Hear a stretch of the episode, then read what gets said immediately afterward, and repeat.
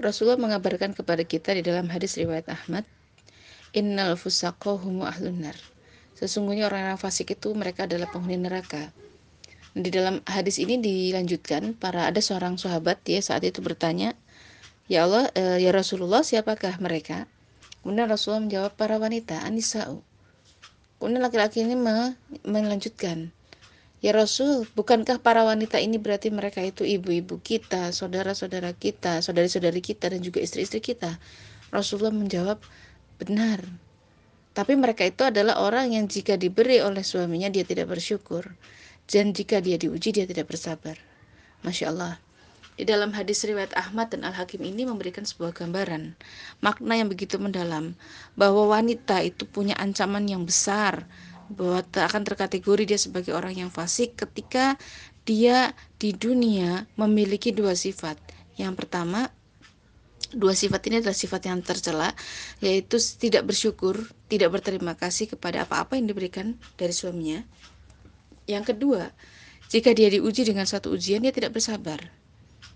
Makanya dua hal ini merupakan uh, penggambaran seorang wanita yang memiliki karakter atau sifat tercela ini dia digambarkan sebagai orang yang fasik dan tempatnya adalah neraka. Dan dikabarkan dalam hadis yang lain bahwa neraka itu nanti akan dihuni oleh banyak wanita. Nauzubillah, semoga kita termasuk dari yang demikian.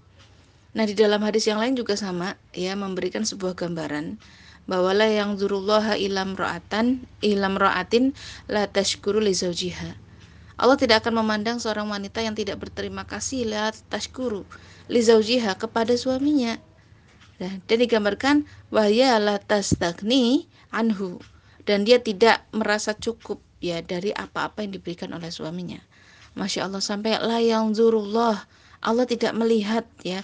Masa kita mau hidup dengan tidak dipandang oleh Allah?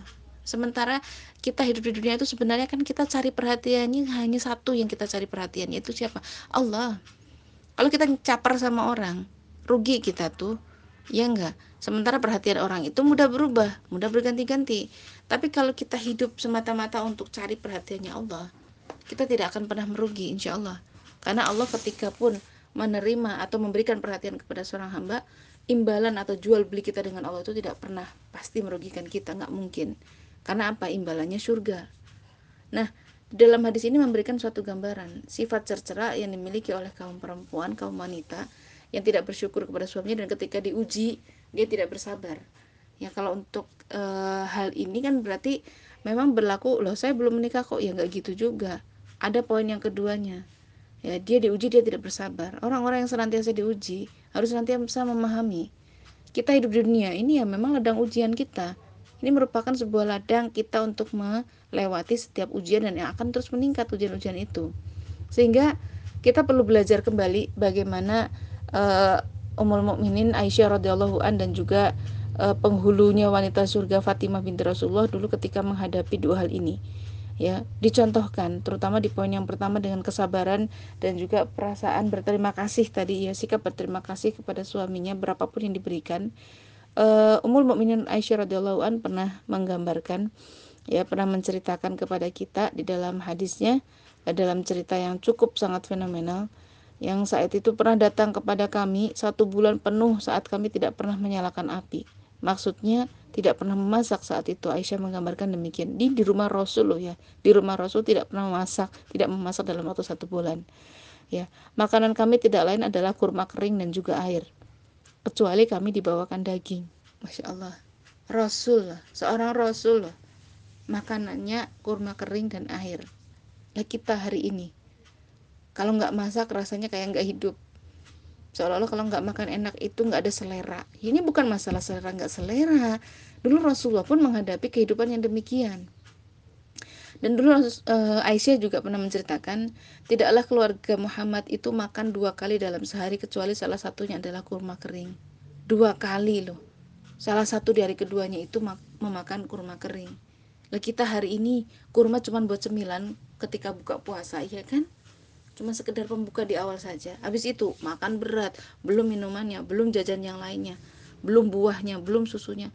Ya Allah bedanya kita dengan kehidupannya Rasulullah dan juga istri Rasul ini loh luar biasa bahkan Rasulullah pernah bersabda kepada kita belum pernah lewat satu sore di mana keluarga Muhammad memiliki satu sok kurma kering atau satu sok biji-bijian. Ya Allah ini sebuah, sebuah gambaran kesederhanaannya Rasulullah. Apakah beliau kemudian tidak bersyukur? Tetap bersyukur. Ini merupakan ujian. Loh, ujian kekurangan di dunia, tidak bisa makan, memiliki tidak banyak uang. Itu kan bentuk dari ujian, tapi Rasulullah bersabar. Itu Rasul loh. Lah kita kok hari ini kok tidak demikian? Nah, jadi begitulah makanan yang dinikmati oleh Rasulullah dan juga e, istri beliau. Namun ketika mereka ya digambarkan mereka adalah wanita-wanita yang sudah dijanjikan masuk surga. Bahkan tetap dipenuhi dengan rasa syukur, rasa berterima kasih dan sabar luar biasa serta jauh dari keluh kesah. Jauh dari rasa berkeluh kesah. Belum lagi dalam hal pakaian, yaitu dari si makanan belum dalam pakaian pun Rasulullah pernah berpesan kepada Jika engkau senang bersamaku di surga, maka cukuplah bagimu bagian dari dunia seperti bekal seorang pengendara unta atau orang yang bepergian. Jauhilah bergaul erat dengan orang kaya, karena khawatir dirasuki sifat yang tamak, dan janganlah engkau meminta ganti pakaianmu hingga engkau menambalnya. Ya Allah, ini nih udah mau mendekati lebaran nih. Kita baju masih numpuk satu lemari, harus ada baju baru lagi. Apa iya kita nggak malu? Apa kita nggak kemudian pernah mendengar nih nasihat dari Rasul kepada istri Rasul kepada Aisyah? Janganlah engkau kemudian mengganti pakaianmu dengan yang baru kecuali engkau sudah menambalnya. Eh, udah ditambal berapa kali baju kita? Udah rusak apanya sampai harus beli baju baru? Nah, ini kan hal yang kemudian perlu kita antisipasi. Ya, kita perlu mencukupkan diri kita pada dunia itu seperti bekalnya orang sedang bepergian, orang sedang menjadi musafir. Coba orang musafir mungkin nggak punya tas 10 mungkin nggak punya sepatu lebih dari satu. Atau dia bawa sepatu atau semuanya lima pasang dipakai semua. Kan nggak mungkin. Seorang musafir yang membawa bekal sekuatnya seadanya. Dari sini kemudian kita bisa belajar bagaimana kesederhanaan ya para penghuni surga. Luar biasa kehidupan mereka di dunia.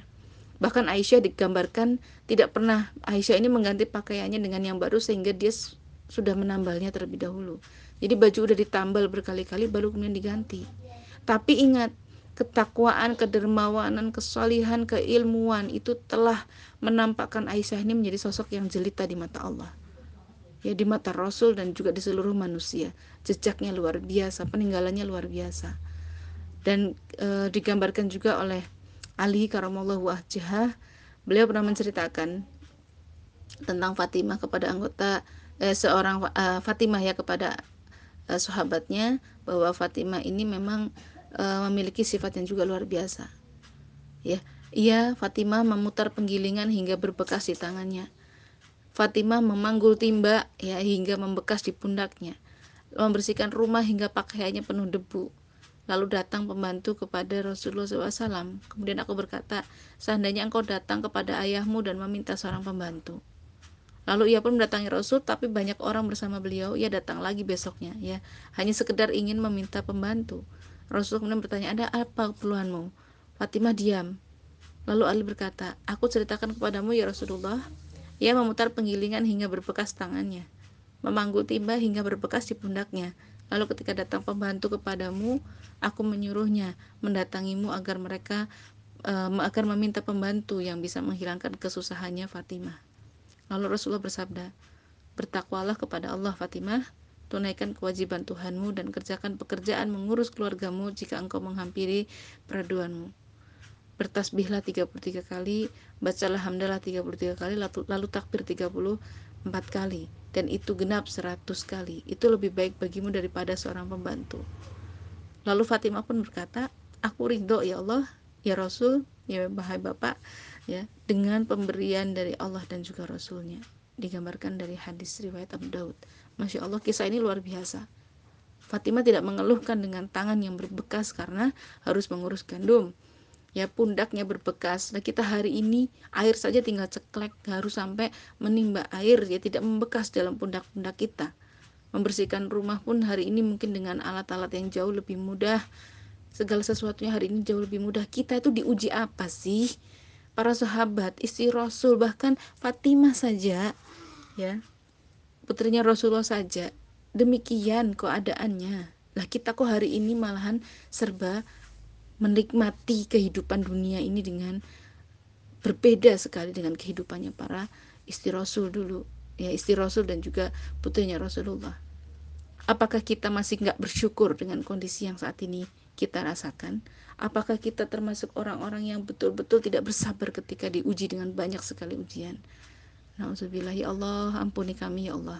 Semoga kita termasuk orang-orang yang senantiasa bisa bersabar menghadapi ujian dan menyederhanakan hidup kita banyak bersyukur ya dengan apa pun yang sudah Allah berikan pemberiannya kepada uh, kita melalui tangan-tangan orang tua kita atau melalui suami-suami kita. Bismillahirrahmanirrahim. Semoga kita termasuk orang-orang yang senantiasa ya menjadi bagian dari orang-orang yang selalu mengharapkan surga. Fastabikul khairat. Assalamualaikum warahmatullahi wabarakatuh.